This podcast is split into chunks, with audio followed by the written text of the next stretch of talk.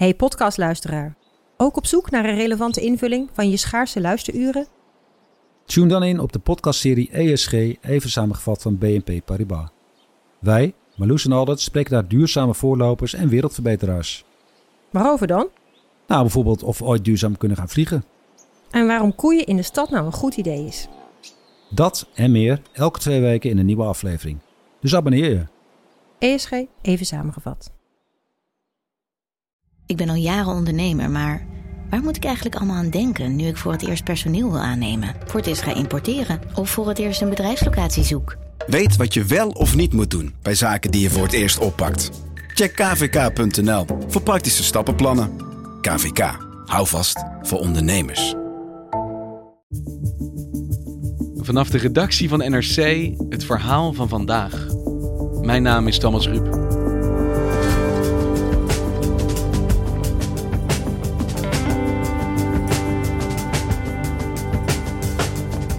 Het is deze week precies 50 jaar geleden dat de eerste generatie Marokkaanse gastarbeiders zich vestigde in Nederland.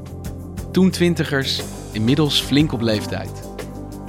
Inwonen bij hun kinderen, zoals traditie voorschrijft, is in Nederland vaak niet mogelijk. Maar op het verzorgingstehuis rust in islamitische kringen nog altijd een taboe. En zijn er wel genoeg tehuizen berekend op hun wensen en verlangens?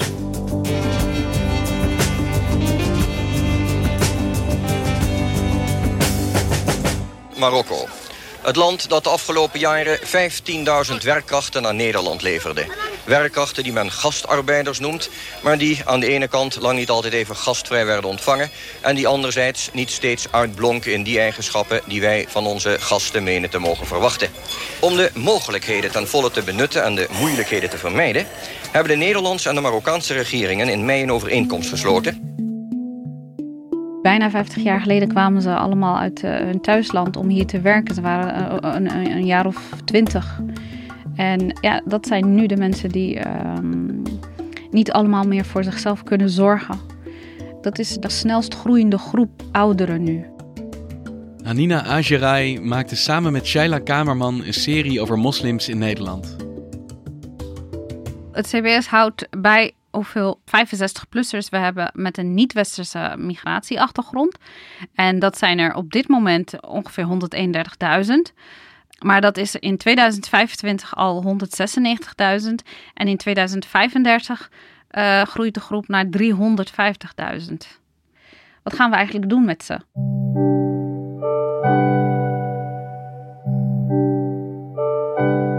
In eerste instantie gaat men uit van hoe, ze dat in thuisland deden, namelijk de kinderen zorgen voor de ouderen. En dat is natuurlijk uh, uh, ook gedaan de afgelopen jaren. heel veel mensen zorgen zelf voor hun eigen ouders. Maar tegelijkertijd verandert de situatie. De in Nederland geboren niet-westerse allochtonen doen het steeds beter in het onderwijs. Vooral niet-westerse vrouwen in het hoger onderwijs. De tweede generatie ziet zichzelf veel vaker als Nederlander dan de eerste generatie, de ouders dus. Verder hebben mannen en vrouwen van de tweede generatie een veel beter vooruitzicht op een baan. Verdienen ze meer en zijn ze vaker economisch zelfstandig dan de eerste generatie. Het leven is te druk en uh, haasten en snel en... Uh dus het is niet meer zo vanzelfsprekend om je ouders in te nemen en te verzorgen tot hun dood. Dus op een gegeven moment staan die mensen voor een dilemma van hoe, hoe gaan we dit nou oplossen? Nou ja, dan ga je naar zo'n open dag van een, een verzorgingstehuis. En dan denk je, ja, dit is het ook niet helemaal. Oké, okay, nou, we gaan de eerste prijs doen. En, en het enige wat u nou hoeft te doen is het bovenste rijtje. Dus het is lekker snel. Ja? En dan gaan we op het knopje drukken. En dan is de onderste knopje Mien. Ja. En dan komt hij. Nummer 5.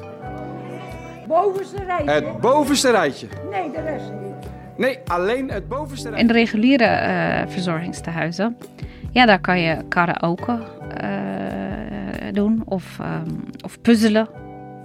Dat gaat dus, uh, valt dus totaal dood bij deze groep. Waarom zijn er dan niet meer islamitische verzorgingstehuizen? Ik denk dat het uiteindelijk neerkomt op geld. Hè? En het zijn natuurlijk de grote zorginstanties die het geld hebben. En kennelijk zijn die nog niet helemaal overtuigd van de noodzaak daar, daartoe. Dus is er gewoon een tekort? Kunnen we dat gewoon zeggen? Is er een tekort voor aan islamitische verzorgingstehuizen? Kijk, het ligt ook natuurlijk wat gecompliceerder. Want zelfs als zulke uh, tehuizen er zijn, er is, een, er is een ander probleem, namelijk dat er ook een groot taboe is. Ik ben uh, Gian Shahin en uh, mijn vader is Hassan Shahin. Die woont sinds februari afgelopen jaar woont hier in uh, Chefkat, de afdeling, op, in het Wereldhuis. Ja. We spraken dus ehm, de zoon van een van de bewoners van een islamitisch verzorgingstehuis Chefkat in Bokstel. Jihan Shahin heet hij. Die vond het ook heel moeilijk om zijn vader naar Bokstel te brengen het idee is gewoon dat je gewoon voor je ouders zorgt tot ze doodgaan. Klaar. En dat was hij ook van plan. Samen met uh, zijn moeder leeft nog. En hij heeft twee broers. En dat wilden ze ook graag doen. Maar uh, zijn vader heeft, ik geloof het, Lewy body syndroom. En dat is ook een vorm van dementie. Maar op een gegeven moment werd dat gevaarlijk. Hij zei op een dag stond, waren ze op vakantie in Turkije. En um, toen dacht zijn vader dus een inbreker te horen, midden in de nacht. En toen pakte hij zijn geweer.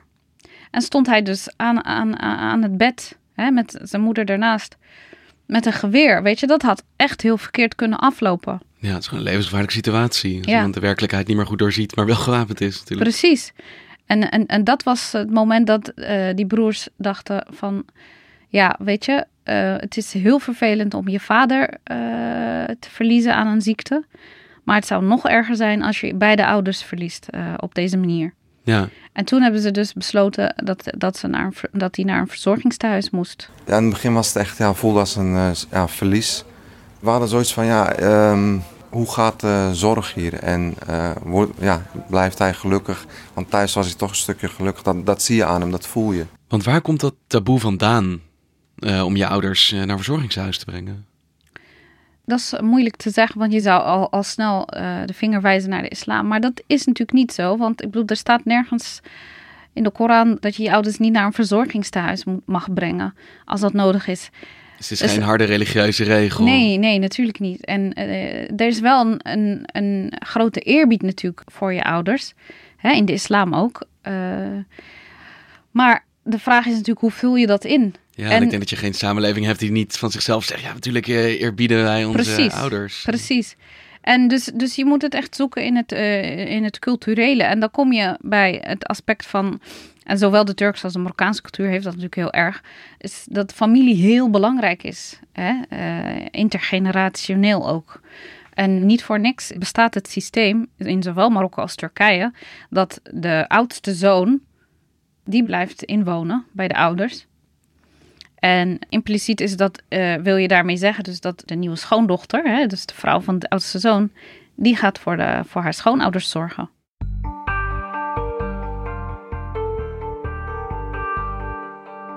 En kijk, deze mensen die gaan ook anders om met hun ziekte. Hè, die beseffen niet altijd dat het een naam heeft, namelijk dementie. En dat, die, die schrijven bijvoorbeeld uh, aan vergeetachtigheid of, of soms geesten. Of een straf van God, soms hoor je dat ook.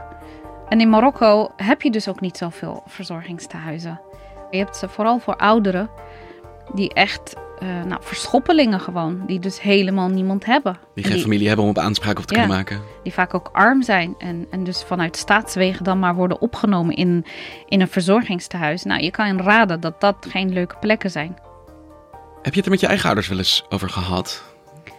Als jullie ooit in zo'n situatie zouden komen, waarin nou ja, een van je ouders misschien bijvoorbeeld dement wordt? Of... Ja, ja, zeker. niet, uh, nog niet serieus, maar vooral schertsend. Want ze zijn nog jong.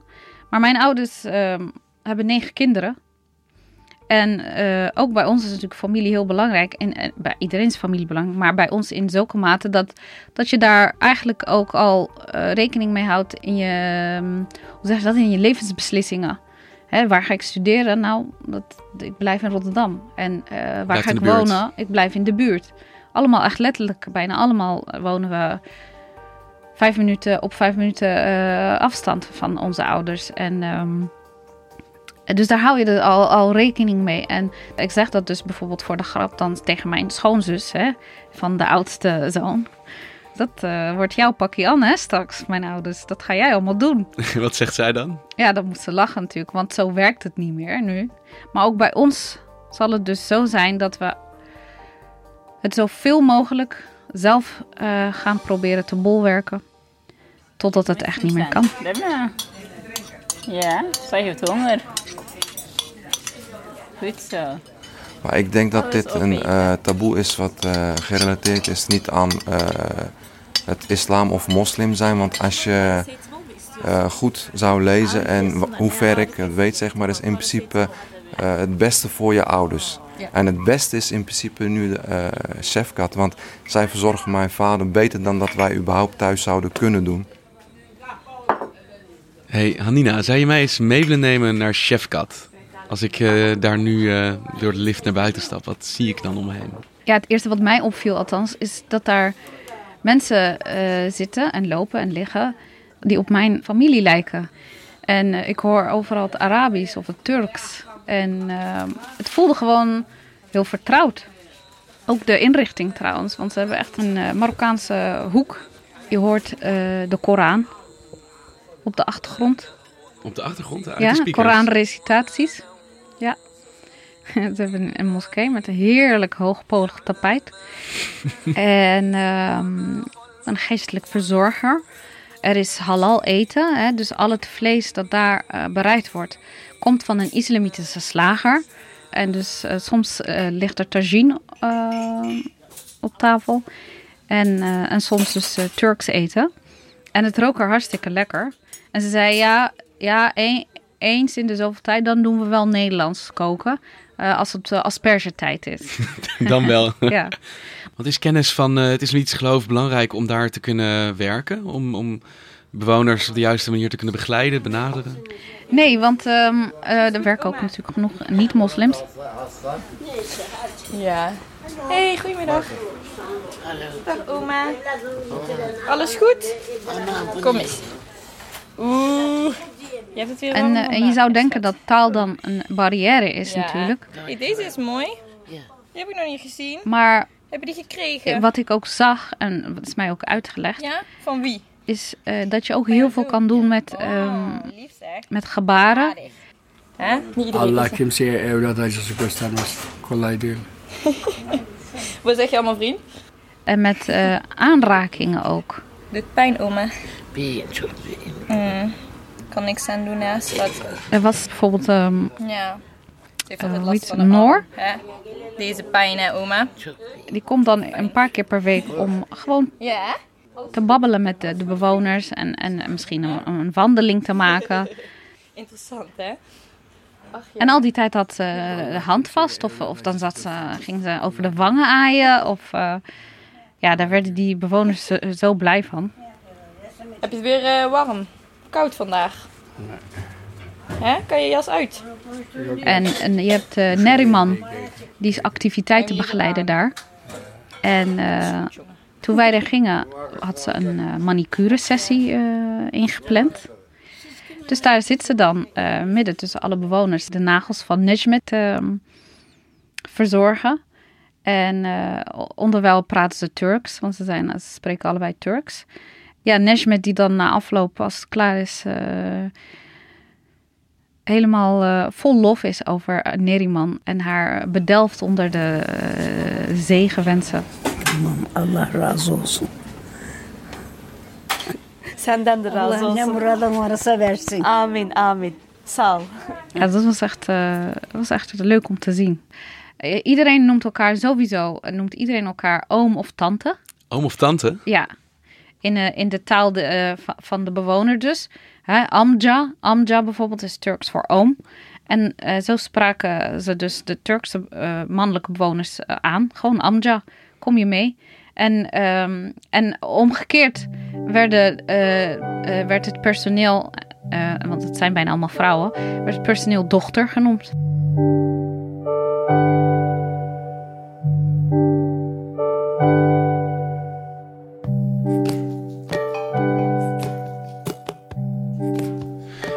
Kwamen daar binnen als journalist. En waarom waren jullie daar eigenlijk? Nou, ehm, Shaila Kamerman en ik hebben een serie artikelen geschreven over moslims in Nederland. Die vaak in de krant komen, alleen als het natuurlijk gaat over ehm, iets gevaarlijks of iets ergs. En eh, salafisme en eh, aanslagen. En, en, en dat is, vinden wij niet terecht, want het zijn ook gewoon mensen hè, die eh, allemaal dingen doen, eh, normale dingen doen. En wij wilden heel graag ehm, portretten schrijven eh, over deze mensen. En toen hebben we bedacht dat we een paar plekken zouden uitkiezen om echt eh, in te duiken. Dus wij hebben volkomen willekeurig bedacht waar we, waar we naartoe wilden. En het was hard werken, want de moslimgemeenschap in Nederland ehm, ja, is natuurlijk eh, niet bepaald super open naar traditionele media toe. Hè? Ik heb dat en dat daaraan meegewerkt en toen werd het vol- volkomen verdraaid.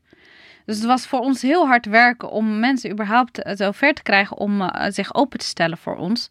Maar uiteraard zijn daar, zijn daar natuurlijk genoeg mensen die dat, eh, die dat zeker willen. En in de omgeving, want j- jij spreekt dus, jullie zijn een chefkat geweest en je hebt daar ouderen gesproken en ook kinderen gesproken.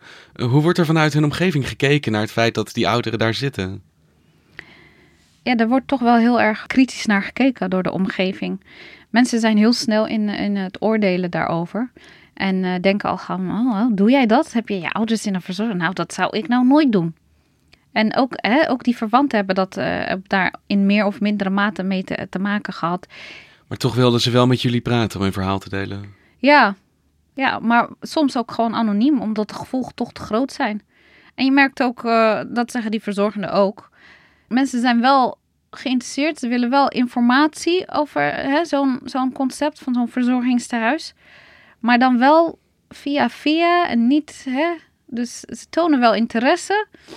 Maar het mag vooral niet eh, al te eh, luid op eh, uitgesproken worden. En soms vinden ze daar een andere vorm voor, hè, om dat toch te bedekken. Nou, dan zeggen ze ja, mijn vader of moeder die ligt in het ziekenhuis. Dat heeft toch een andere connotatie dan een verzorgingstehuis.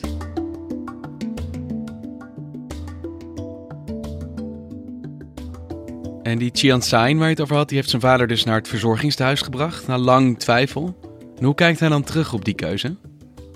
Hij is dus heel blij ehm, dat hij die beslissing heeft genomen. En eh, hij eh, zegt ook van ja, in de islam moet je goed voor je ouders zorgen. Hij, hij erkent eh, die plicht. Hij zegt maar, dit vind ik beste vorm van verzorging. Die, die, wij zelfs niet kunnen bieden. Hij is heel blij ehm, dat, hij, eh, dat het goed gaat met zijn vader. Want het ging ook nadat eh, zijn vader in eh Chefkat belandde, ging het weer steeds beter met hem. Hij werd daar gewoon goed verzorgd. En ehm, dus hij heeft echt geen spijt. En hij heeft gelukkig ook geen, ehm, ja, geen geruzie hoeven meemaken met zijn broers en moeder. Het was een gezamenlijke beslissing.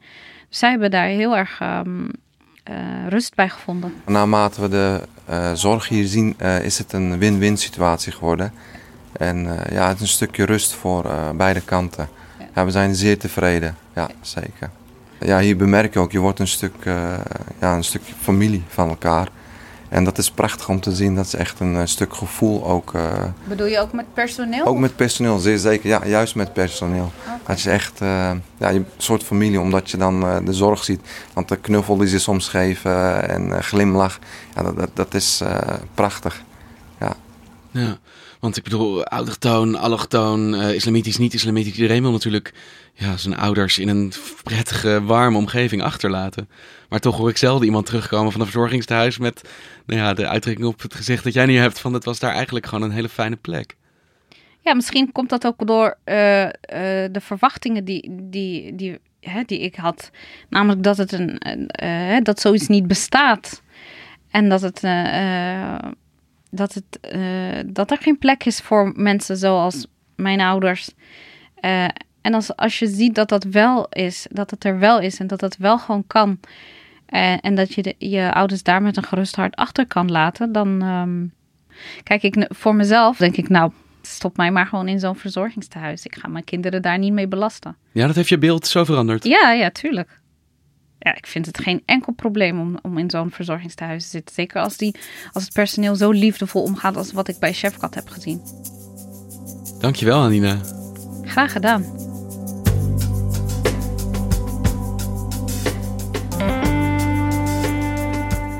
Je luisterde naar vandaag, een podcast van NRC. Eén verhaal, elke dag. Vandaag wordt gemaakt door Mirjam van Zuidam, Henk Ruigrok van der Werven, Julie Blusset, Tessa Kolen, Ido Havinga, Jan-Paul de Bond en Ruben Pest. De muziek die je hoort is van Rufus van Baardwijk. Dit was vandaag, maandag weer.